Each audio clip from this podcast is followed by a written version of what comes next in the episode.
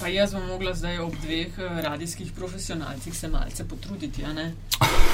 Ja, ja, kar Večkrat bolj na glas, da ne Ja. bo ta ku- kurzor v rde, uh, Ja. belem preveč, moram Ja. večkrat v Ja, rdeče. okoli nule- Okoli nule mora sekati, okoli nule mora sekati. Okoli nule mora sekati.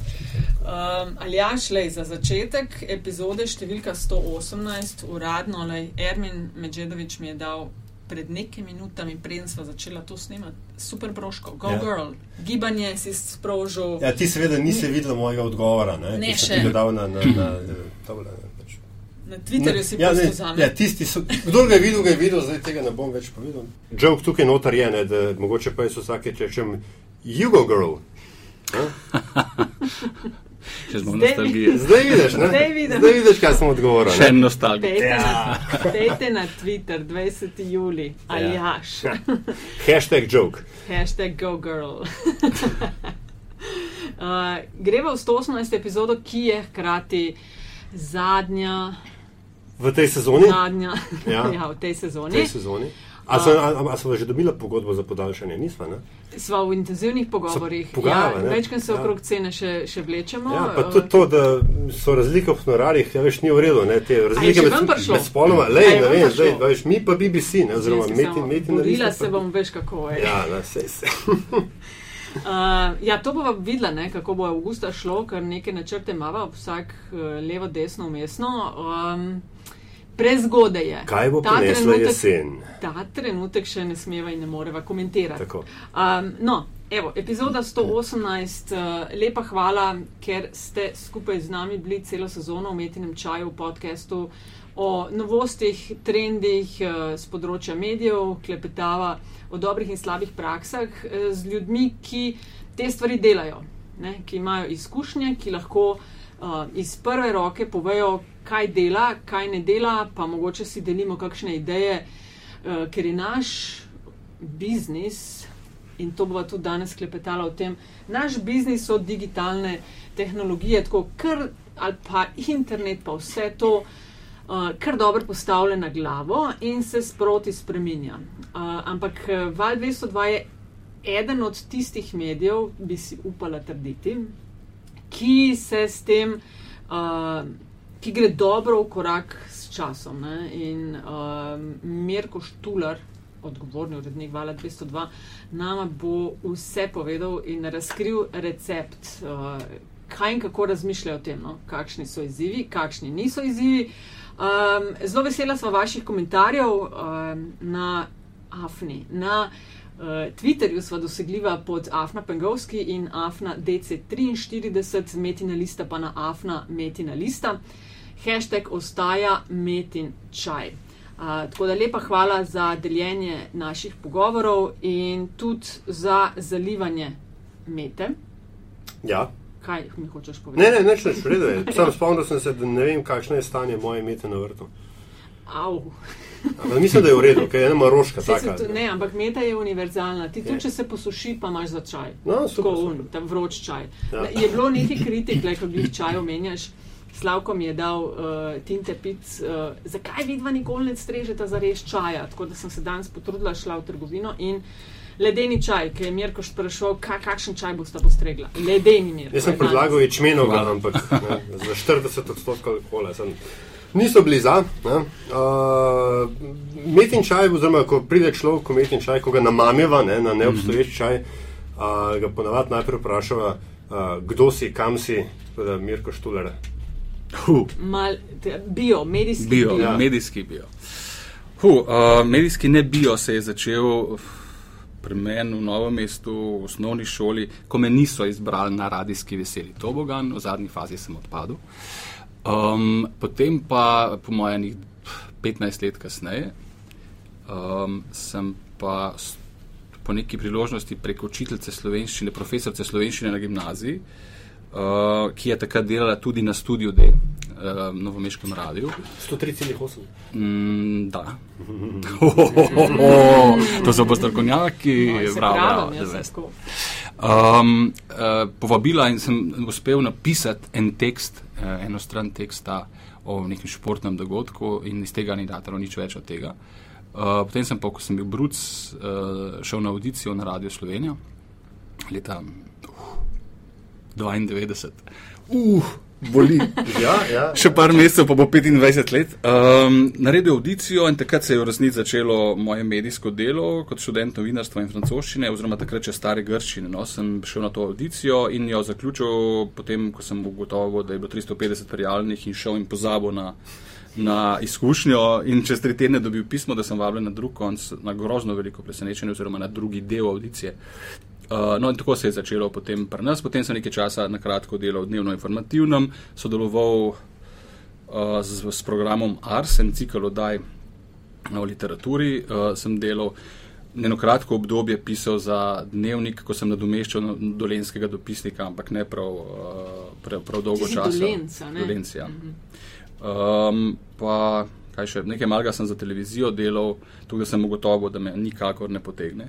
A res, zakaj? Uh, ni, ni moj medij, uh, stati pred kamero mi je še danes zoprno. Um, pa tudi ta vizualno sporočanje na ta način mi je uh, bistveno manj blizu, osebno, tudi konec koncev učinkovito, bolj zavajajoče, ne paše mi. No. Um, to Vmes uh, sem nekaj, nekaj malega pisal, sem pa tja za sobotno prilogo, oziroma pa so bili principi, se mi zdi, ne, ne, ne principi, nekaj drugega. Pogledi, pogledi. A ja, od, uh, Sem pa tja od Marka Crnkoviča, Crnkoviča ja. s parimi stvarmi, ampak nič prav uh, dramatičnega. Ampak bolj ali manj je po vseh teh zadnjih, evo, skoraj 25 let res se vrti okrog radija. No. Meni se zdi, da ja, kar izvoli. ne, Veš, ne, kaj sem sam hotela se spomniti, pa mislim, da si me ti, Mirko, spomnil pred časom na to. A sva midva skupaj bila na izpitu slovenščina pri Korošcu? Bila in sedem sem dobil. Ti se to vse spomniš? dobila? Tega se pa, to so neki čudni detajli. Koliko je pa ona dobila? Joj, ne vem. Mislim, da osem. Nisem pa zikar. Vem pa, da smo imeli debato. Imeli smo- Trije smo bili, ja. Ja, trije smo bili. Imeli smo pa debato, zakaj sem si zapomnil, to, po mojem sem ti omenil, pardon, da ko je bila um, Korošec je nekako v svojem slogu uh, debate ob vprašanjih in tako naprej zelo razširil to de, polje debate. Ja, ja. In smo prišli na promocijo Slovenije in na to, kako športniki uh, domnevno promovirajo Slovenijo in on se s tem uh, absolutno ni strinjal oziroma je bil zelo nenaklonjen tej tezi, na kar si mu ti Nataša ugovarjala, tako si mu ugovarjala, da to pa v bistvu ni čist res ne, in da v bistvu športniki čist dostojno zastopajo in intenzivno zastopajo in promovirajo Slovenijo v tujini. In Te debate se spomnim, no, Se je splačalo, osmička. Ja, Glej. vidiš. Pričemer z zadržkom, da sem, da sem si dobro zapomnil. Jaz se držim za besedo. Bom prodajala to zgodbo dalje. Da seveda čakamo tretjega na tem izpitu, ne, da se javi in pove, kaj od tega je res. Ne. ja, da je to fake news, še enkrat. Se, ja, jaz pa ne vem, kdo je bil tretji. Ne, ne, vem, ampak imam tako piško spomin, da je to kar narodno mi. Ja. Um, junija je Mirko Val praznoval 45 let, ti si skoraj polovico tega. Si, Več seveda, kot ne, če si pred 20, kaj, vali je bil pa 20 let, ko se ti se. Ja, če bo zdaj 25 Ja, praznoval, ja, se ja. pravi, ti si več kot šlo. polovico, polovico časa na valu. Um, a se spomniš, tako, če mal greš v throwback nazaj, kakšen je bil radio takrat, pa kaj je zdaj? Tako, največje spremembe, ki jih ti vidiš.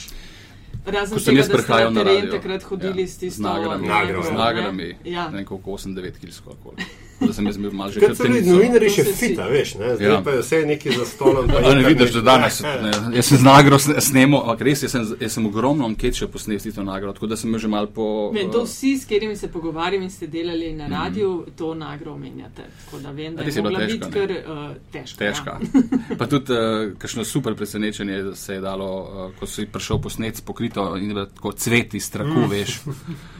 Potem, ko sem posnel v Tivolijo, ne vem koga, in prvo ta karošca se naredi, ko se ti trak nabere, veš. Uh, in kaj zdaj nazaj, narodno, sogovornika, oprostite. Ja, trak, lahko glejte, še enkrat. Lahko še enkrat, Ja. ja. pa kome čakal enega. No, da je povej še enkrat, no, kako je bilo včasih in kako zdaj. Ja. Uh, kaj tiste, če tako na hiter pomisliš, kaj so največje na, na prvi uč spremembe?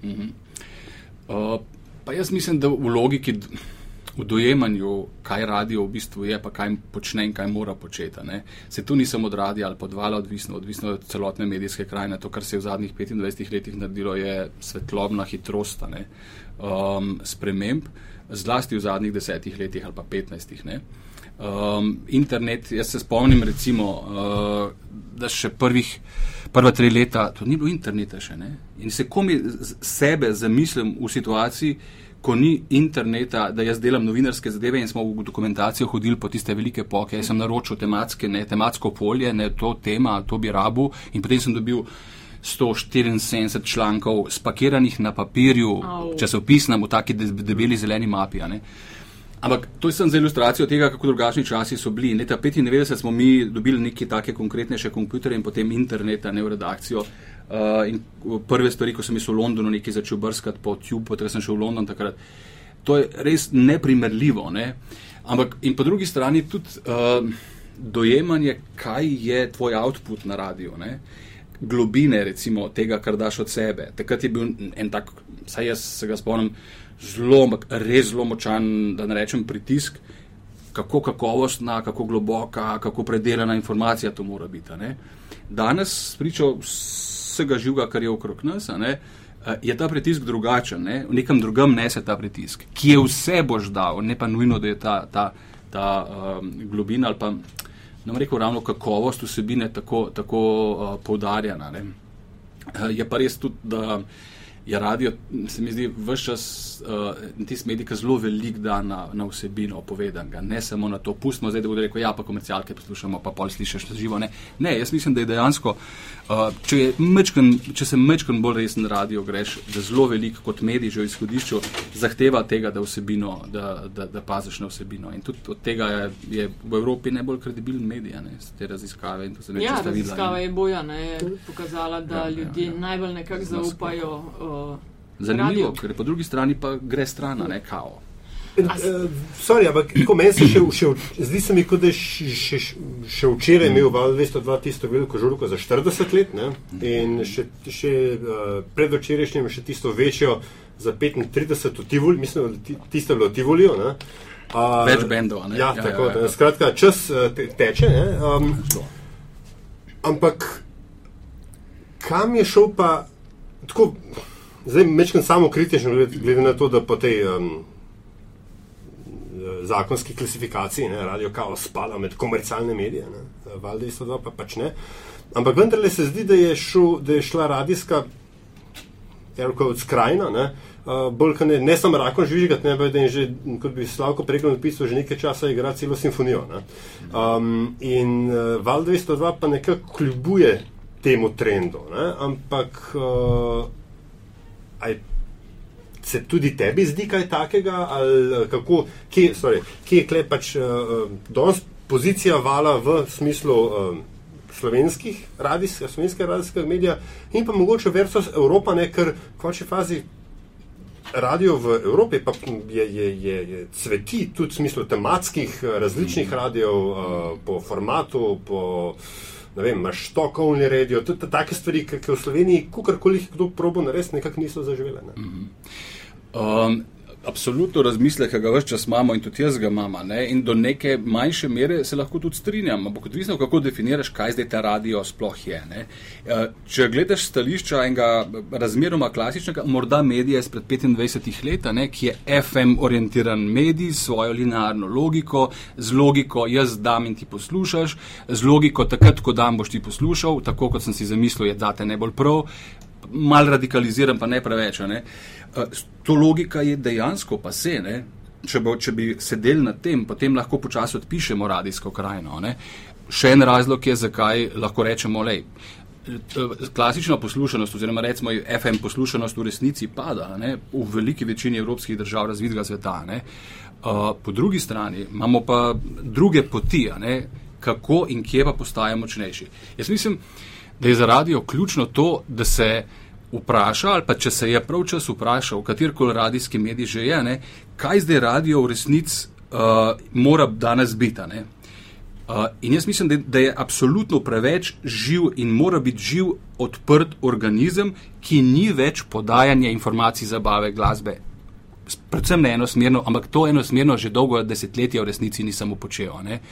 Uh, se pravi, če pozabimo to, pa da rečemo, da je to akter, da je to organizem, ki funkcionira v družbi. Lahko je tudi komercialen, sploh ni problem. Ampak zakaj, se, zakaj BBC, dela že, BBC One dela že ne vem koliko desetletij uh, uh, glasbene evente? Zakaj? Zaradi tega, ker je to tudi način, kako ti a komuniciraš, ponujaš in kakovostno vsebino daješ uh, odjemalcem, bom namenoma to rekel, uporabnikom, poslušalcem. ne. Um, in eh, še to, ali si, si družbeno odgovoren ali nisi. Pa to ni izključno domena javnih radijskih postaj. Sploh ne. ne? A hočeš kaj več, mogoče pa želiš debato ali pa debatno polje razširiti. ne. Mogoče pa rabiš uh, nekaj tematskega, datničnega, kar pa noben drug nima. Ampak to ni več samo logika, mi delamo radijski program in to je to. ne.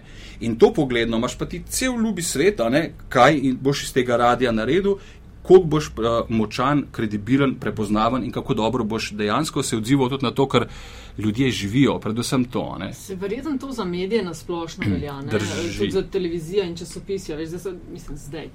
V zadnjem desetletju intenzivneje so začeli organizirati vem, okrogle mize, debate, konference in podobno, in ni več samo tisto ob eh, osmih začnemo program in nas uh, poslušajte. Ne? Mogoče je celo, ja, izvolite. Dovoliš, uh, pri čemer je pa radio še en korak, ne bom rekel v prednosti, ali pa še bolj izpostavljen temu, ker je že v izhodišču social. Po mojem definiciji radia, a ne, je najbolj social od medijev bil že desetletja prej v tem današnjem smislu besede social media, ne, social zaradi networks. direktnih kontaktov s poslušalci, klici in podobno. To zaradi kontaktnih osebin, pa zaradi tega, ker mu je v resnici uh, ena od pomembnejših stvari, in dobri radi so to že desetletja nazaj res intenzivno delali, bilo pomembna interakcija s, s poslušalci, angažiranje community, sprav skupnost. ne. Uh, ali okrog Marjana Kralja, ki je bil perfekten primer, takrat, ko ni se v zvezdah radijskih pa nas sanjalo, perfekten primer social radijske osebnosti. a ne. In če bi takrat obstajal Facebook, Twitter uh, in ostali, Instagram in podobno, bi on bil hiperzvezda tega. Bi Je bil imel pa res- zato kupe pisem. a ne. Ja. Bi bil res kralj, ne? Kralj, tako, tako kot se je pisal. ne. Uh, in, in v to pogledu se pa veliko lažje vklapa. Uh, če, če ga pametno zastaviš, se radio veliko lažje vklopi v to, uh, v, v, v, to horizont. Tako, radio bo, točno. Jaz, jaz ga tako dojemam, samo če to radio ugotovi. Kje mu je, mislim, kaj lahko v tem novem ra- razpostavitvi medijev, kanalov, omrežij in tako naprej, uh, kaj lahko naredi, in tam ima ogromno placa in kombinatorike. Mi dva Ljaš v bistvu še kar, ve, mislim, še kar govorimo, ne vem, pa dela na televiziji, pa dela na radiju, pa Ja. dela na časopisih, ampak dejansko je mogoče treba začeti počasi tudi to. Veš, tudi ko govorimo, časopisi imajo manjšo branost. Ja, manj prodajo, ampak kupica ljudi je pa na njihovih spletnih straneh. Ne. Radio spet ni samo audio, je tudi video, je tudi social in vse ostalo. Ja, ne, ampak Mediji. je, ja, seveda, z- vendarle pač so razlike ravno pri genezi vsebin. Ne, in ka veš, pač, ko radio je, kot je Mirko rekel, ne, radio moč, moč, mečkem bolj po, po sami naravi medija, ne, narejen za današnji svet družbenih, družbenih omrežij. ne.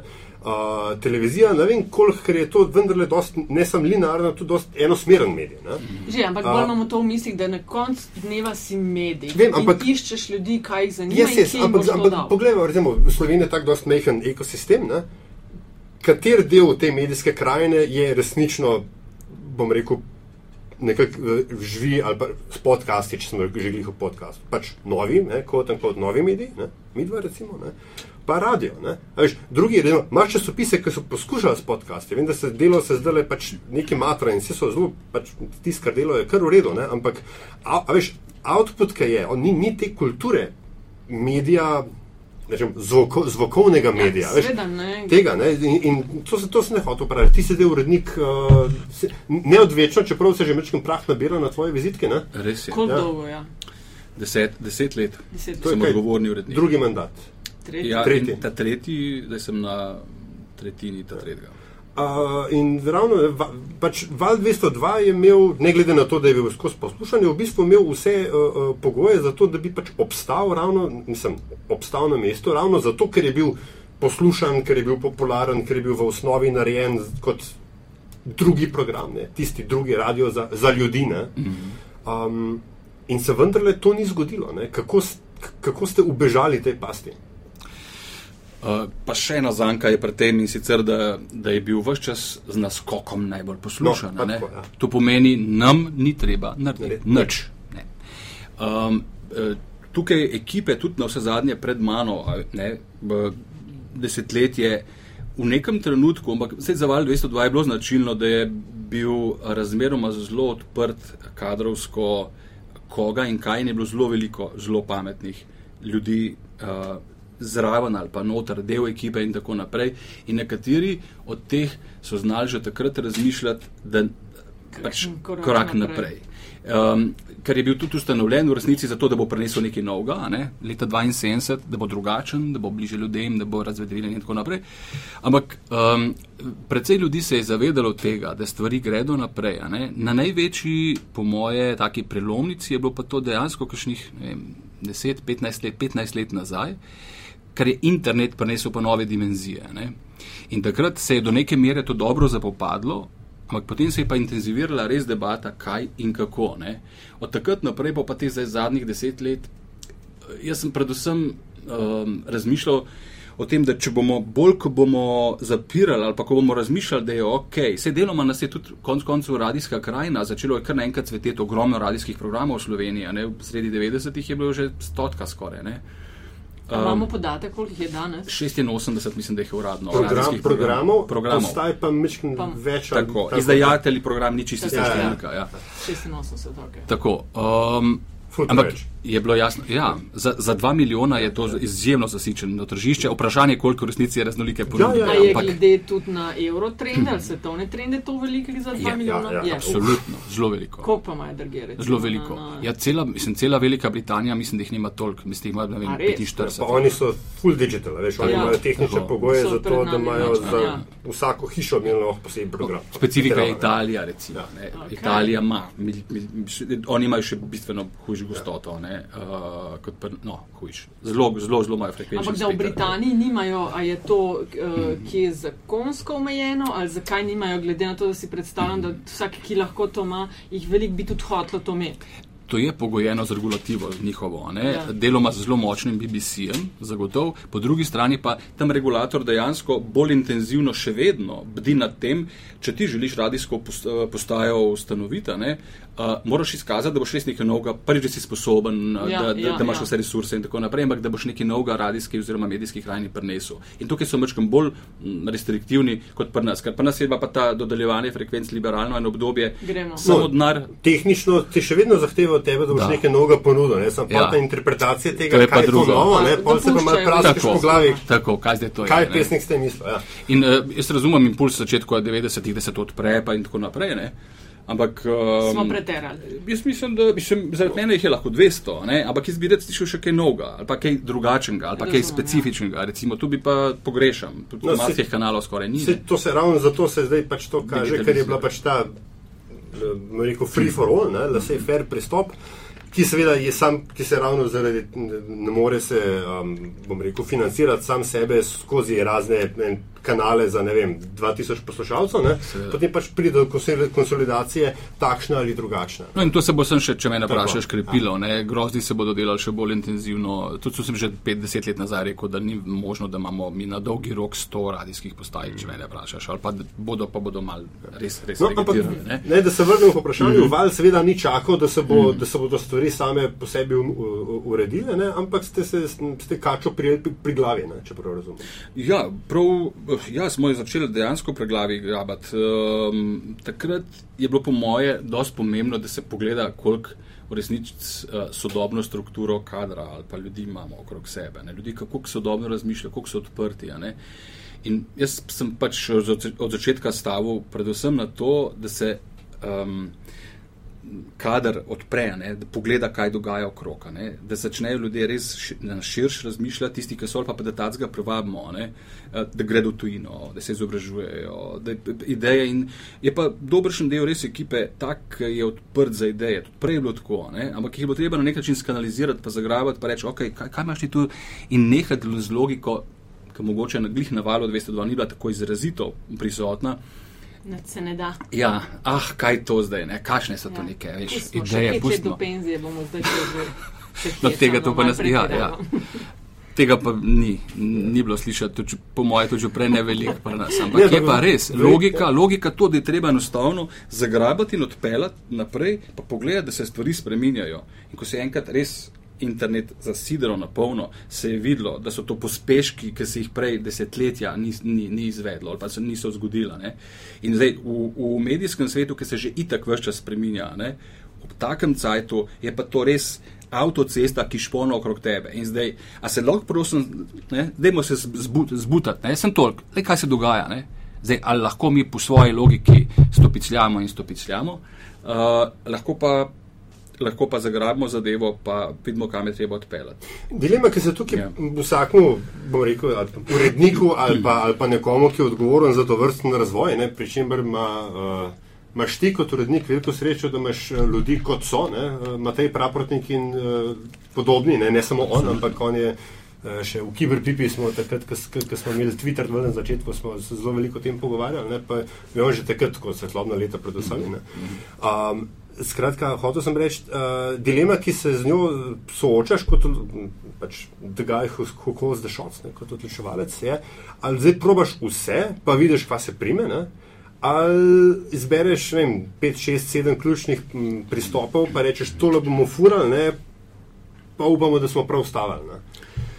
Vem, vem iz os- lastne izkušnje, ker sem oboje proval, pa vsakeč sprot, mislim, vsak, vsak stvar ima, vsaka stvar ima, slav, ima slabe in slabe lastnosti. Pa me zanima, kako, kako ti ne, na to gledaš. Zelo, zelo na mestu vprašanje in dilema. ne. Um, vsega ni pametno sprobavati. Zla, zato pa konec koncev morajo biti verjetno uredniki, pa odgovorni uredniki in tako naprej, da neko primarno selekcijo ali pa vsaj unotehno argumentacijo, zakaj pa tega, to bi absolutno ja, tega pa absolutno ne. Pa tudi se ne zmoreš, ne. Ne, ne znaš, resu, nimaš virov, da boš lahko čisto vse sproval in čez tri mesece opustil.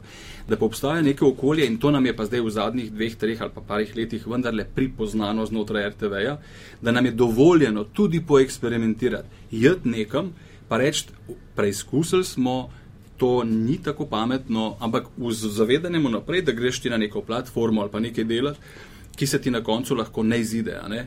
Ampak, če ti to ni dopuščeno, potem si zvezan že v izhodišču. Uh, da pa čisto vse pobereš, kar danes preleti, ne, pa ni smiselno, ker se boš prekuril pre, čist prehitro. Ne. Um, se pravi, da pa, da pa neka, nekdo ali pa neka mini ekipa pretresa stvari, ki prihajajo, pa poskuša predvideti, kaj in zakaj se bo odvilo tako in jih na, na nek takrat tebi logično ustrezen način postavi, to pa ja, ne, to je pa treba. In treba je sprobavati več stvari, kot bi, jih, uh, kot bi jih mogoče. In mi, mi dejansko velikrat gremo še kam, čeprav vemo, da na škrge dihamo. Ne. Ampak to pa je tisti entuzijazem pri kolegih, tudi Mateja, ali pa še kopice drugih, mladih ali pa manj mladih, v glavi mladih, ki so pripravljeni nekaj res zagrabiti, pa tudi čutijo, da, da bo to morda pomenilo več dela, uh, več časa, ampak je na koncu učinek lahko toliko nag nagrajujoča, ne, mm. da, da, da so nekaj novega sprobali, nekaj spravili v Ja, življenje. se ne in veš, še- če ne probaš, ne veš, Točno, kaj, kaj bo točno, šlo. Ne. V bistvu točno. smo vsi mal na learning by doing. Ne. In tisti, ki reče, da ve, kva bo čez eh, par let, ne ve. Ne. Ampak, če, smo če, če, če rečem, prekinjaš me. Ja, oprosti, oprosti. No, Ne, ne, ne, ne kar kar. Na Radio Days Europe, če se prav spomnim iz družbenih omrežij, ne, si, ste, ko govorimo o teh prihodnostih. Kaj, o čem tam razpravljajo? Če se prav spomnim, si udeleženec teh Bil, dogodkov. parkrat, ja. Kaj so tiste glavne stvari v povezavi z radijem, o čemer se razlukuje, kjer se govori? bolečina, ki se navezuje na dilemo, kaj bo z radijem v prihodnosti, kako doseči mlade. a Ne? To je rdeča nit zadnjih toliko in toliko let. Zakaj mladi, oziroma zakaj v segmentu mladih javnosti oziroma poslušalcev radio kotira tako nizko? Ena klasična dilema. Druga je recimo debata je okrog digitalizacije oziroma digitalnega radia, DAB, DAB, a veš, medijske krajine in tako naprej. Tretja stvar je, kako drugače, dober, podcasting je zgodba, ki je skozi na nek način prisotna na teh zgodbah, na teh srečanjih, ampak ne v smislu, zdaj pa je to nekaj novega, ampak ali morda um, pripovedovanje zgodbe ali pa storytelling ali pa neke serijalke in tako naprej ponuja neko drugo pot, drugačen pristopanje k poslušalcem in oblikovanje zgodbe, drugačno nagovarjanje in tako naprej. In ali to v resnici pomeni. Uh, zdaj nek trend, ki se bo tudi na, če namenoma rečem, FM oziroma na klasično platformo preselil, kako to vpliva, um, kako dobro zgodbo narediti. Um, in potem pride, ne vem, uh, serial, recimo, ne, uh, pa to povzroči toliko in toliko nekih novih debat in tako naprej. Potem vizualizacije oziroma kaj z videom. Uh, to so neke te teme, poleg tistih bolj, bom rekel, tehničnih, uh, kam gredo softverji oziroma uh, sistemi uh, in tako naprej. No. Ampak to so recimo ne take zadeve, um, se, kaj se pa nam utegne zgoditi. Uh, kaj se nam utegne zgoditi uh, v prihodnje, kaj bo z radijem. To je bolj ali manj tematsko polje kaj je tisto, kar ste na pamet, se ne rabim zdaj taksativno, ne, ampak če ti kaj pride na pamet. Um, tehnologija, slash omrežje, slash pristop, ki ste ga zadnje čase probali, pa ste ugotovili, da ne gre. Uh, pa jaz ne vem, če je nekaj tazga, kar je bilo prav dramatično, da bi rekel, ne gre. Ampak recimo, glih na primeru podkastov tudi z, z, z, z Matejem debate že pred leti in tako naprej. Na vse zadnje deset let nazaj smo se v podcastih pogovarjali, prvič konkretneje in MMC mm. naš in tako. Uh, in tudi mailih že potem. Ampak, um, ja, koliko stavimo na podcaste? Vmes, uh, najprej ja, dajmo, dajmo, dajmo, ampak to je bilo v bistvu seveda prekla, uh, prestavljanje FM zadev tja gor in brez resne promocijske podpore, dopovedovanja javnosti, kaj je na voljo in tako naprej, to v resnici ni kaj dramatično zaživelo. Potem je prišlo obdobje, ja, bomo tudi podcasti to. Ja. Ne, to, zdaj, to, ni to, to ni neko blazno um, področje, kjer, kamor velja veliko staviti. Pa je pa Siril prišel, ne, pa še kaj. Uh, pa je kar naenkrat to zacvetelo spet, da so taka nihanja. Recimo s Snapchatom imamo podobne zgodbe. Jaz sem dve leti ali dve leti pa pol nazaj prvič napisal, kaj bomo mi s Snapchatom, enim parim unim, kaj bomo mi s Snapchatom delali.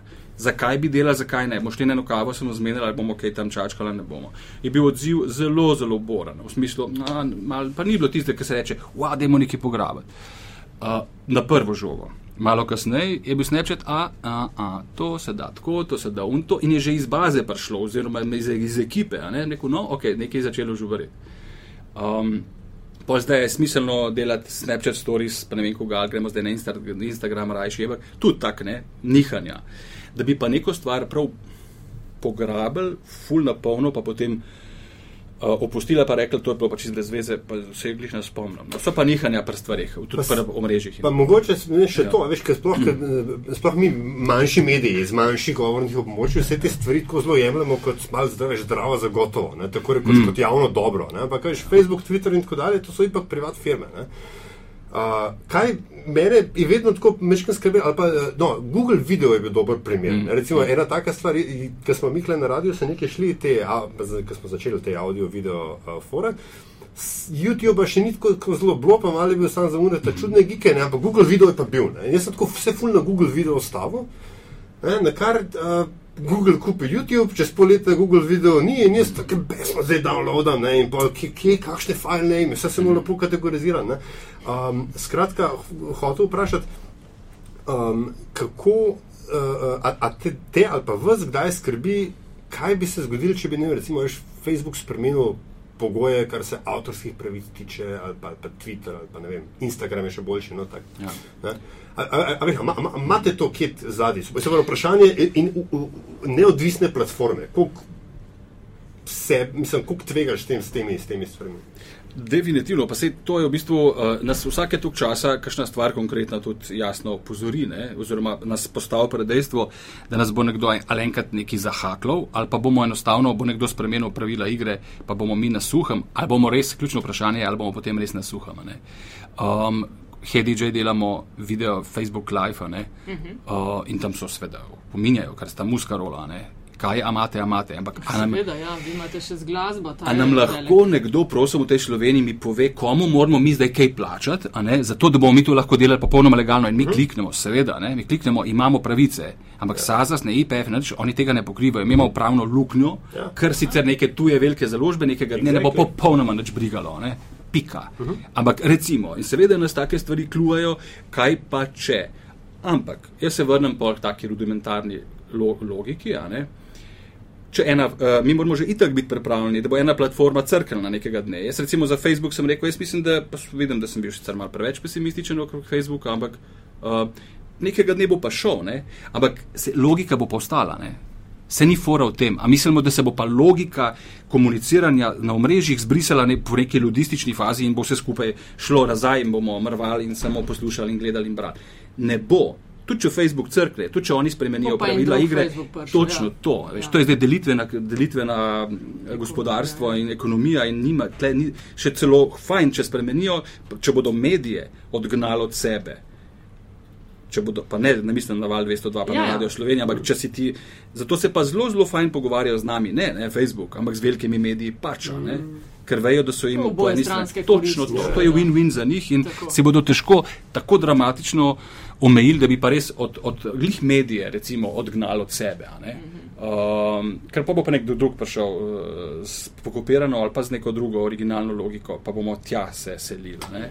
In seveda drugo vprašanje, ne, monetizacija vaše prisotnosti na družbenih omrežjih. Uh, mi smo tam zaradi poslušalcev, pa zaradi komunikacije z njimi. Uh, monetizacije, če bi moral zdaj biti zelo konkreten, je blizu 0,00.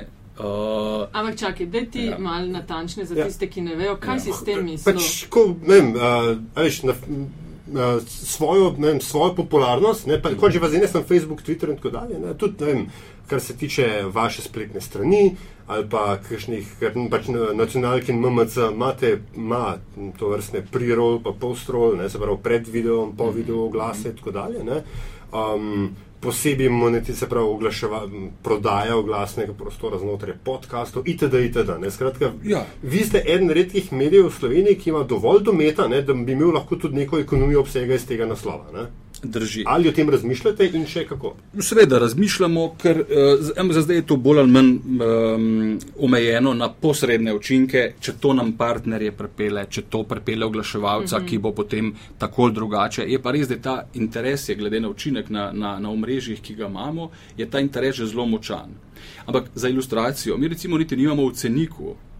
Uradnem RTV-jevskih, to so pač pod javno potrjeni, vnaprej potrjeni ceniki oglaševalskega ali kašnega koli pač komercialnih zadev. Uh, tega niti nimamo v resnici vrednotenega na noben način, kar pomeni, da mi tega neposredno uh, ne počnemo. Da, uh, MMC ima te zgodbe in tam se da, to ampak imajo pošlihte do zadevo, zdaj, kar se pa nas v valu 202 tiče, smo seveda razmišljali. Je pa res, da imamo, smo vedno med, m, tako malo v precepu, koliko nam je pomembna ta, um, ne bom rekel čistost, no, ampak um, kredibilnost, ki jo tudi na omrežjih Se žanjemo. bojite, a ne. se bojite, da bi bil v bistvu en tak uh, bumerang efekt, da bi Da. utegnil biti. Da Da bi se v- prodali. Ja, ker imamo pa tako strukturo poslušalcev in, in sledilcev, uporabnikov in tako naprej, da jim to veliko pomeni, tu pa lahko z gotovostjo rečem. a ne. Če pa že jim hočemo nekaj prodati in pa to res popolnoma jasno dajmo, lejte, to smo, s tem smo mi zaslužili, to mi rabimo, zato da vam bomo naslednjič novo storitev namontirali in nič nekaj vmesa. Ne. In recimo, kakšni zunani partnerji, ki pa kot podaljšek ali pa kot del njihove. Um, kampanje ali pa oglaševalske akcije si želijo biti na vsak način na omrežjih naših. Zdaj pa dajte malo ment nekje tam pa tam. Ne? Ni pa, da bi to bila Ja. še zaenkrat mm. prodajna strategija. Se pravi, vi prodajate, recimo, lahko oglašujete na valu 202, nas posluša toliko in toliko ljudi, ne vključite pa zaenkrat še, uh, imamo, ne vem, tolikšno obiskano spletne strani, imamo, ne vem, 40 plus tisoč sledilcev klele na Facebooku, Twitterju. Omenjamo že, Omenjate, ker jim je to aha, pomembno. okej. Omenjamo že, ne moramo pa neposredno tržati, če sem čist tehničen. no, Razumem, ne. ja. Tako, ampak rečemo, ok. Uh, boste prisotni pa z logotipom tle ali pa tam ali pa nekaj. Zelo, zelo, zelo se otepamo pa tega, da bi zdaj tam šli mal te hibridne zgodbe, se dela tudi v Česar je tvitih. vse več. Vem, vem, Ja. absolutno. Ker, ampak to, ja. ja. to želijo, to na vsak način hočejo to početi, tako kot v, v etru, a lahko nekaj programskega naredite, reče. Vse veš, ne? Ja, ja, ja. Se pravi, pogovor z velikih naredi, veš, zaradi Ali tega, vem, ker Lej, se krčijo in so Seveda. Bomo vam pa tudi klele s tem intervju naredili, pa to zgodbo na ta način. Mi grede, a une dopodanske oddaje o izvlečku matičnega mlečka ste že ukinili? Nismo jih še čisto ukinili, smo jih pa dramatično skrajšali, zmanjšali tudi število, pa malo smo format spremenili, pa zelo jasno smo dali vedeti, Ja. ja. lejte. Ja, saj, tam je bilo To je. Je bilo, Ja. ampak če je bila 10 minutna oddaja, si ti lahko poslušal 5 minut ali pa 8 minut, ne da bi vedel, Ja. da je to hiperprodana zadeva. Katere veš. taktike se vam izkazujejo za najuspešnejše, ker tako kot si omenil v enem od prejšnjih odgovorov, konkurenca, ki je danes večja kot kdajkoli, plus niste samo na radiju, ampak so tukaj še uh, cel spektr nekih družbenih omrežij. Katere taktike se izkazujejo za najboljše, ko gre za kako privabiti uporabnika vaših storitev, da ne rečem poslušalca, bralca, gledalca, ker se zdaj video, audio in teksti mešajo. Ne? Kaj se izkazuje, da ljudje rečejo, ok, pol pridejo k vam, uh -huh. na katere stvari jih v narekovajih lahko dobite, no?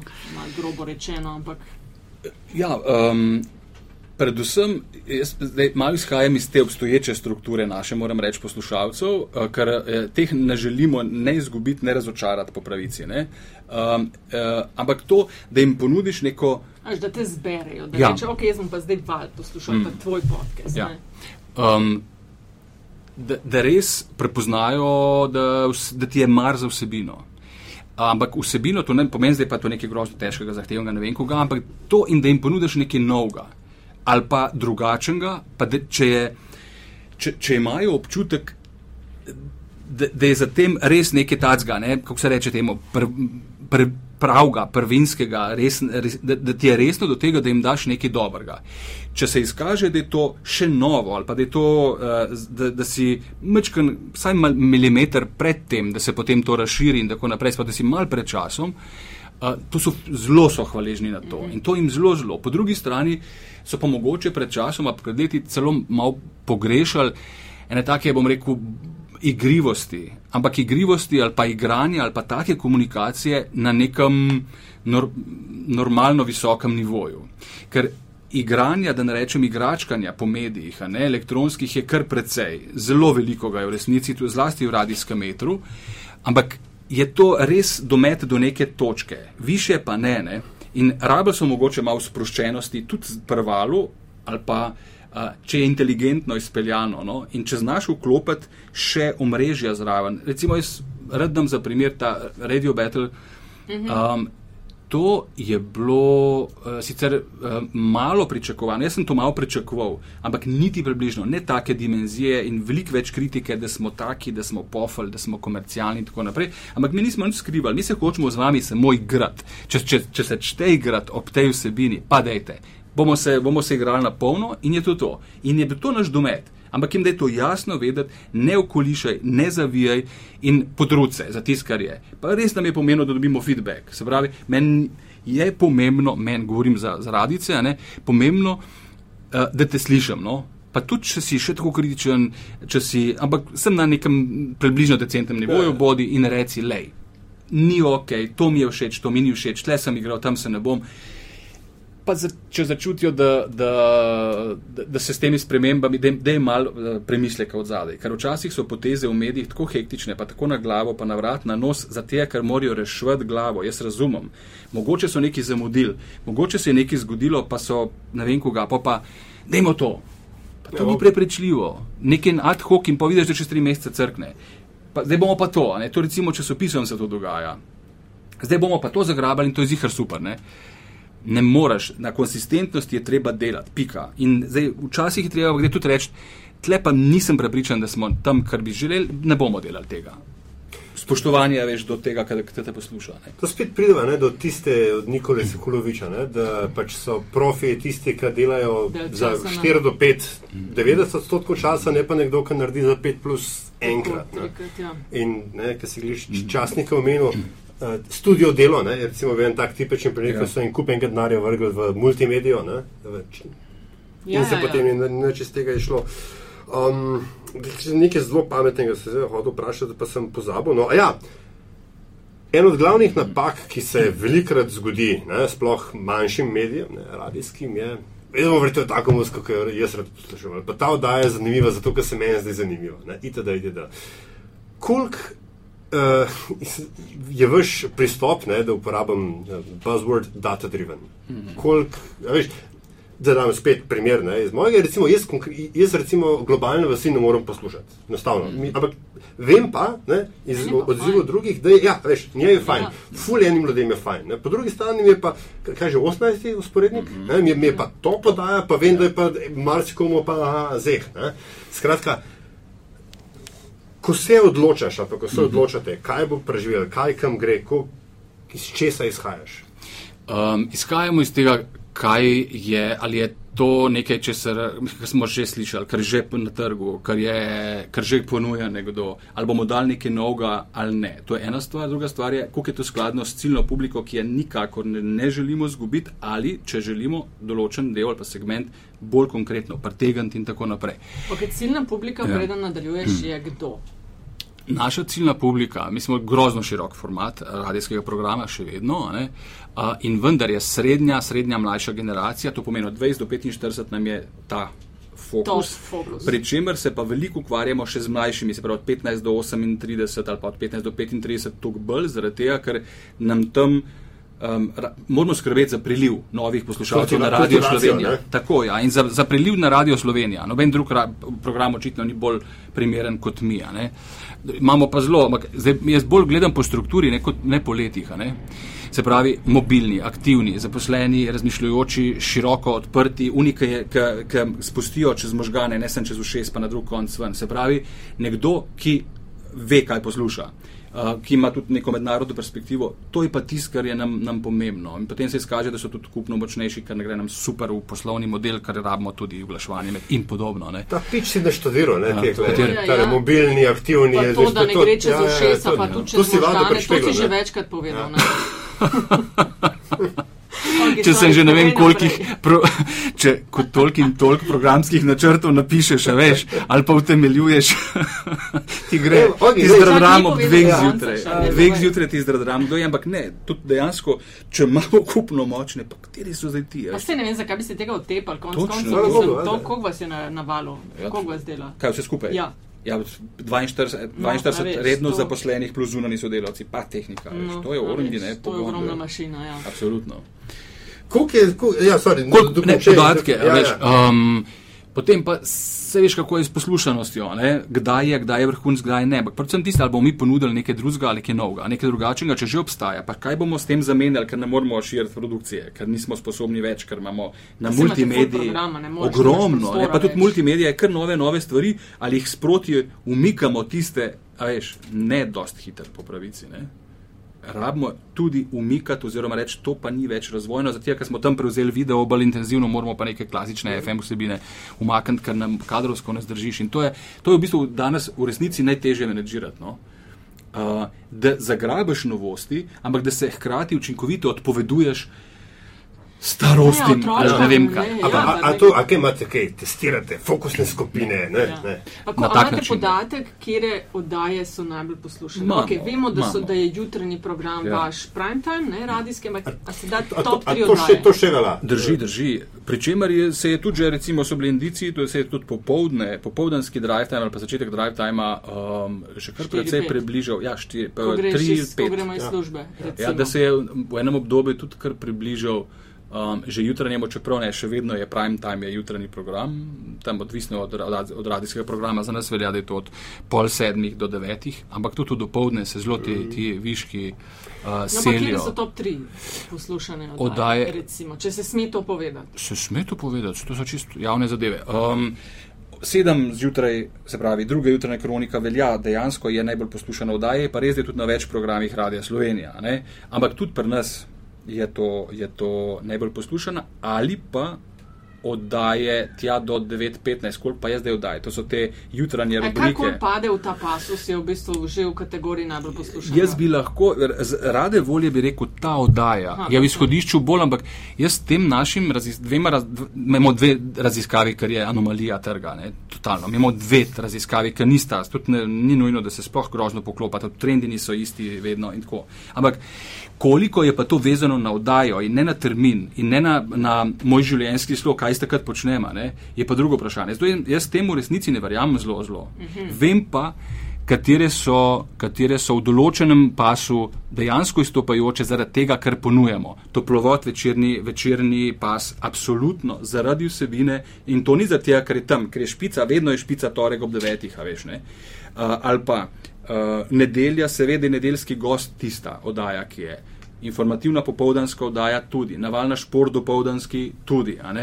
Um, Pol so pa še, pa imamo mi v resnici analizo dobro za ciljne publike, je nimamo. Ne? Mi predvidevamo po neki radijskih izkušnjah in intuiciji, da je frekvenca X v ciljni publiki zelo, zelo visoko cenjena, poslušana in tudi na podkastu se to recimo vidi in podobno. Ne? Da bi pa kategorično rekel, to so mm -hmm. top tri oddaje, samo zaradi tega, ker, je, ker to ni. Ker recimo, pogledaš, a je sedem tudi na drugih radijskih postajah najbolj poslušana. Ja, je. Mm. Ajš, ja, ja. Kaj zdaj ne? Ni in seveda, ne hvaležno, pa vendar nujno vprašanje, ne? Mhm. ali so posamezni pasosi, poslušanost njih odvisna od voditelja ali voditeljice. Do neke mere, da pretiraval pa ne bi. Ne bi stavil pretirano tega, vemo, da eni vlečejo bolj, je pa res, da eni vlečejo to strukturo bolj, pa drugim celo mal, a, a, rajši ne, ne. Uh, drugi pa drugo. Mi pa ustrajamo na tem nekem modelu z, razmeroma zelo široke ponudbe in voditeljev, in pristopov, in v, pač vodenja. -huh. In zato imamo jutrni program še vedno s petimi različnimi, ne imamo enega ali pa dveh zdaj smo malce spremenili. Ja, lepa, lušna, zanimiva poletna schema. Je bilo v redu? No, no, ja, ja, ja, ja. meni je to lušno. Sem, Eksperimentiranje. Ko smo že pri, da, ko smo že da, pri igračkanju. Ne, ja, veš, točno to. Mislim, ja, te, ta uh, ta mm. zajbavanje med voditelji ne, od uh, poletja dvoje je to pač na nekem novem. Mislim, da lahko s komercialke lahko nehajo to delati, to se hoče reči. Hvala, ja, sem, ja. sem full vesel. Da bi šel spet v Nazaj, studio. V studio. Ja. Uh, me, me zamika, z veseljem bi šel, sem pa tja, me pa prav prime. Je pa res, da ti krči so zdaj vseeno malo redkejši, kot so bili deset let nazaj. Zaradi tega, ker zdaj bom nekaj povedal, kar bodo po moje sodelavci um, pol mal citirali. Uh, Da me je v resnici, bi me bilo iti strah, zdaj le direkt delati v studio ali voditi, ali pa pogovor, respekt imam ker je to, drug način, to je drugo delo. Jaz sem takrat bil doma pred mikrofonom, zdaj pa nisem doma pred mikrofonom, sem pred komputerjem, pa na sestankih. Ne? In to, zgubiš ta tisti neposredni feeling, čeprav občutek za to, pa tisti, ki te vleče, to je isti. Kadarkoli pridem v studio, pa je tam isti občutek. Imam pa strah spoštovanje do vsebinske produkcije ali pa do vodenja programa, mislim, mogoče ne navadno zveni, ampak ja, imam. Ga. V hollywoodskem filmu ne bi. Um, ne znam narobe razumeti, ne, ampak starejši kader, ki je šel na vzgor po lestvici ne, in ki ga je že tako mečken mal. Ga meškega časa že malo povozil, pa tako, ne, potem pa pride tisti ne, trenutek, ko mora on vstopiti ne, in rešiti program. A, skratka, a, veš, a, a si še v stanju, da prideš v studio in zdaj pa ti vsem nakažeš, kako se pač to gre v tistem enk, v enkratnem dogodku. Um, ali pa ne, recimo, da, ne, veš, da vsi zgorite, da bi, bi ti lahko uspel. Mislim, da tiste stvari, ki sem jih prej delal, zdaj neko želje stvar, ki si bil tvakrat v življenju naredil, bi verjetno bilo precej švoha, ne, kilavo, ampak ne vem, odvoditi program za to, da Slovenija se ne poruši ali pa da vsi ne ugotovijo, da je nekaj dramatično narobe. Mm -hmm. Lahko komod uh, pogovor, intervju v studiu, komod. Uh, Uh, zdaj, pa bi seveda grozno kritično ocenjeval, kako je ti zblo sicer. Ampak, uh, se pa bi se že ending credit zarolal, pa je konc Tako da za rešiti situacijo, to, tega me ne bi bilo ja. toliko strahno. To, ni, vem, pa odvisno spet kaj je recimo. Um, neko zadevo na terenu ali pa tipa sredi Evrope spakiram. Tudi komod pri kakšnih segmentih. Uh, Sredi Evrope je kar en mal tvoj otroček, ne? Tudi. Ja. To sem pa jaz še, še zdaj, pa mi ni šla. Zadnji sem najdel neke CD-je, ki smo pa to na CD-jih izdali, ja. doma, spakirane še v celofan. Ja, smo to zbirali. Jaz sem svoje čase v Ameriki pazil to. Na kupe sem se izlagala, tiste tajme pa ni v svetu, ja, veš. Pa, pa prej sem odhajala, sem pa sem prosim, ja. veš, sem prah. Uh, tako da tisto, tisto bi pa, ali pa recimo, kakšen pristop. Tudi, reci, včasih se na momente, ne, se tudi jaz počutim že malo unne, zdaj si pa ti mečken že uh, zarustal na tem, pa tem. Ne, uh, pride enkrat trenutek, ne, ko, ne, ko druga generacija, mislim, da ni, ni več, nimaš možgan tako namontiran, da razumeš. En. Pa tudi to, veš, multikanalno ja, spremljanje. Ja. Ne, to recimo, jaz sem, zato sem jaz privat mul, uh, omrežja. Ne, zminimiziral na, na minimum, kar je schizo. Ja, res, ker ne, ne sfolgam več zaradi tega, že, da lahko vsaj približno normalno slediš službe. Ne, um, ampak pri kakšnih stvarih sem, se, bi se pa čist suverenga počutil rekel, in tudi seveda, tudi, kdaj tudi naredim, pa rečem, da to podpel tako. No. In pol, pa pogotovijo, da se je to vse tam nekje pa že kdaj delo. Nekje tudi zna, ne? Ja, mislim, tako ja, včasih, ker veliko si pomislim, ali, ali folgaš. Ne? In jaz mislim, da bi se morali ljudje, nek, to ta nek, katerkoli management, middle management, ne vem kdo, uredniki, odgovorni uredniki, ne vem kaj, bi si morali postavljati vprašanje, ne? koliko folgam, ampak folgam v smislu, sledim, pazim na trende, spravljam to na, motiviraš ekipo, ne vem koga predvsem pa to, ali smo mi še sposobni vam pogledati od tega, kamor smo, kamor smo, smo zakoračili. Mm, kaj pa misliš, da bodo glavni izzivi tvojega medija v prihodnje in kakšen je po tvojem bi bil odgovor na nje? Oziroma, kako se spopadati z njimi? Jaz mislim, da se na koncu vedno, vsaj jaz pri sebi, tako vrnem na izhodišče. In to je, jaz sem radio za zelo intimen, zelo human, zelo človeški medij. In še vedno mi je eno od, od vodil, it's all about people. In če jaz ne znam napovedati, katere platforme bodo prišle.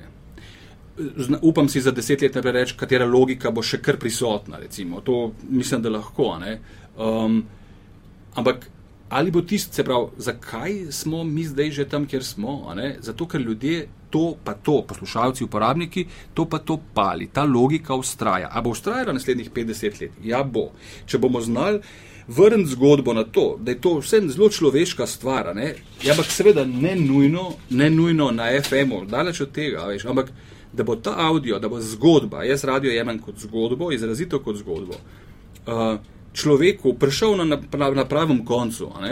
Če bomo znali to pre, pre, pre, ne prevehsati, kako se reče lepo, spremeniti ali pa malo prestaviti, da bomo še zraven, da bomo lahko nek tam okrog ljudi. Potem ni veliko, ampak to pa je kar dilema. Pa pa običajno mi rečejo, a se radio zdaj na splet seli. Ne, uh, ne radio gre, jaz, ostaja samo z ljudmi, to naj dela. In to je tudi ključni izziv. Zdaj, če so to na spletu, če so tam, me v resnici ne zanima, ker ne dojemam radia več kot nekoga, ki govori z, iz radijskega sprejemnika in jaz potem to poslušam. Um, to je tako zelo krovni, pa nisem bil zelo, zelo konkreten izziv, kako odgovoriti. Dobre zgodbe naredimo, zaznavajmo. Da, vsebina, dobre zgodbe, pa res ja. razmislimo, kam jih plasirati, kako jih povedati. In uh, jaz mislim še eno stvar, da ta informativna, klasična, ki je osnovni postulat radia, izhodišče od Rita naprej, BBC-a, informirati, ne, pol še izobraževati, pol še zabavati. Ne, ta informiranje, ne, to je ključni izziv za prihodnost radia. Jaz mislim, da pa teža informiranja, inform, informiranja informacije na radio kot takšne, ne, news, to pa je polje izziva za prihodne, ker mislim, da ta vrednost, ta teža pa pada radio. Sploh v luči, no, mogoče ne radio, na splošno ne v luči vse te poplave. Uh, fake news in, in izmišljenih novic in potvorjenih novic. Tudi in... čeprav to daje kredibilnost, to vrača ljudi uh, uh, k zaupanju v radio, klasično, za tega je radio. Uh mhm. -huh. Zadnjič sem enim evropejcem nekaj tam razlagal, se, zakaj, sem, sem, sem sprašval, zakaj je radio tako kredibilen. Um, Rekel, med drugim zato, ker vsi novega z kredibilnostjo nas pa res niso navdušali. Ne? In poplava, fe, bad news, fake news, kar češ, ga celo dviguje oziroma ohranja s tem. Ampak ob, jaz predvsem gledam v kontekstu kanalov, po kolikih lahko mi in dejansko uh, uporabljamo, konzumiramo informacijo, news, ne? to pa ni več radio mm. top. Ne? Po drugi strani, ne, kot, kot glavni vir novic, je pa popolnoma na repu kot glavni vir novic radio, uh mhm. -huh. med vsemi mediji. Recimo Reutersov uh, zadnji isto kaže in to ta trend se ne spremenja. Se pravi, radio ni glavni vir novic. Ko pa je, je pa kredibilno, pa verjameš. In uh, najbolj polemi, mislim, polemično ali pa dost izzivalno področje je glih to, ne? Kaj, kak, kako utežiti ali pa kako, koliko pomena dati informacij, newsu, temu klasičnemu newsu uh, na, na, na radiju. No? Se pravi, v bistvu radio je un mal ostarel možakar, ki pač ga že vsi mal pospravljajo, pa, pa takrat, ko gre zares uleti noter, pa pokaže, kako se dela. Ne? To pogledno, ko debatiramo o tem, da.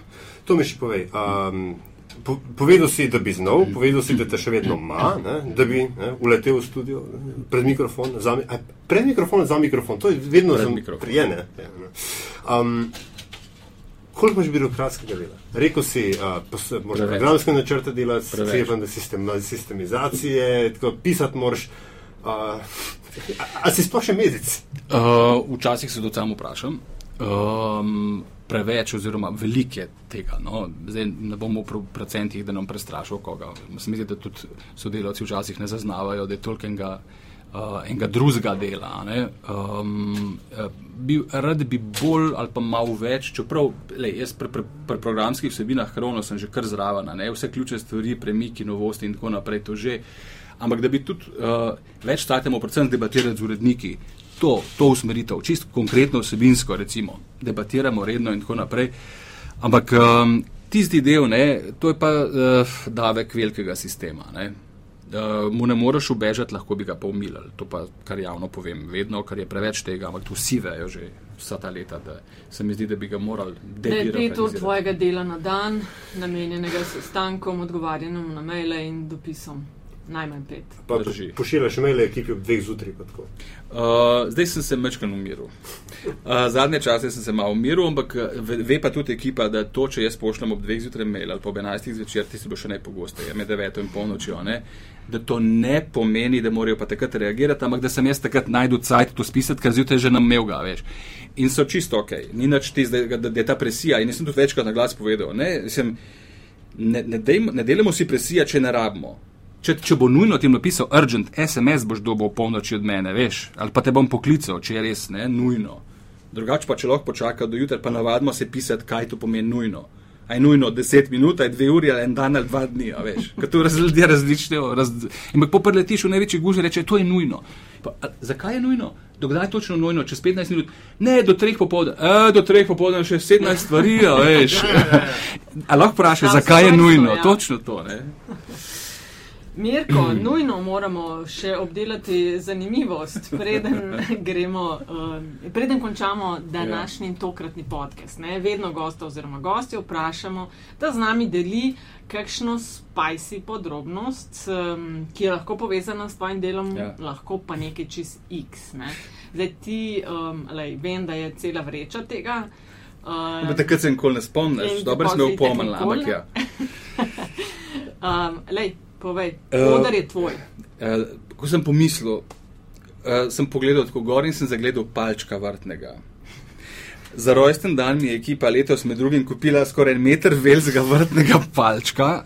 Uh, zdaj, koliko Koja simbolike, koja fora. Ja. In jaz sem takrat, hm, zdaj, kaj mi to sporočate? Ne, ko sem odpiral tisto, oh, Ja, ja, kaj mi zdaj to sporočate? Ja, bo že ugotovil, pa pa drug. Palčki so in, veš, o, jaz bi ga pa na, na vrtu imel. Skratka, to je zdaj tam, veš, ko pride človek na sestanku, pisarno, ko sta šla enkrat min, je tako velik tam zraven palček. A njim. da ga boš poslikal, ko nam pošlješ Ja. svoj delovni ekosistem? Absolutno. Prosim, palček. naj bo. Absolutno. Na vseh žurih pride kot poseben gost, zadnji je, a veš, recimo. Tudi Zadnjič, ko so pospravljali redakcijo, je bil sam med unim.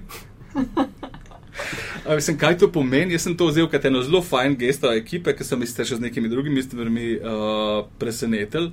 Ampak uh, pa, pa simboliko, jaz sem rekel, jaz bom to razumel tako, kot želim. A prav. In to tako je zdaj, zdaj palčku pejte. Evo. Ha, tako, da, jih- da, da z njim se zmete. Ja, če je kaj takega, bo najprej palček povedal. Aha, ni pa, niso ti pa razkrili, kaj so oni. Mislili s tem. Mislili, boste povedali, kaj bo cajt, če je kakšno globje sporočilo. Noter, kaj s kakšno kamerco, veš? Mm, pa da me Kamera, polo opazuje. Ne, ampak nekaj se seveda zdaj poskušam pesno razmišljati. Jaz Je ena forma na Twitterjih z, z, z vrtnimi palčki, ampak za božjo voljo se zelo ne more spomniti. ne. Ej, Je, mogoče nam bojo pa pomagali. Ja. Mogoče pa, a veš, dobiva kakšno idejo Mhm. ali pa bojo delili. Pa smo mislili, da bi, če bomo na vrh mečkan odprli, da bi zašparal, če jav. veš. to. Ja. Koliko je velik? po metru, Skoraj meter. ne. On je 80, po moje, po oceni. Pa čisto običajne, nima kakšne puške pa to. Ne, ne, ne, ne. v ta prijazen z očmi gor gleda. tako, O, veš. ne po sliki, no, da pa bomo malo razmišljali, kaj, kaj bi to lahko bilo. Vsi trije ful bedni spadli, ker ne štekamo. Ja, bodo pač, se jih je veliko sodelavcev, bodo že sporočali, mi, mi kaj ni jasno. neke interne fore. Ja, ja, ja. Uh, Mirko Štular, lepa hvala za gostovanje. Hvala vama za, za povabilo. Uh, lepo je bilo. Enako. Uh, lepo vodi uh, še naprej uh, Val 202 in ekipo v iskanju uh, ali odgovarjanju na izzive sodobnega časa. Skupaj s palčkom. Skupaj. Hvala. Aljaš besno vle. Ne, ne, ne, to, dame in gospodje, je bila zadnja epizoda v četrti sezoni Metinega čaja. Ne. Um, hvala, ker ste bili z nami. A Ja, sem- ja, A čisto pravilno. Janeza v V- tej sezoni ali prejšnji? Prejšnja. prejšnji. No, ampak vsekakor. A, hvala za vse všečke, lajke, downloade, um, ocene na iTunes in vse Glasbene želje sprejemamo. Uh, podprite nas v pog- v pogajanjih za kolektivno pogodbo za prihodno sezono. Ja, Uh, da bova dobila te bonus ure in iz, koliko- da bova do ja, konca ja, junija. ja, pa regres pa tako dalje. DC43, Ed Pengovski, um, signing off. Yes, hvala.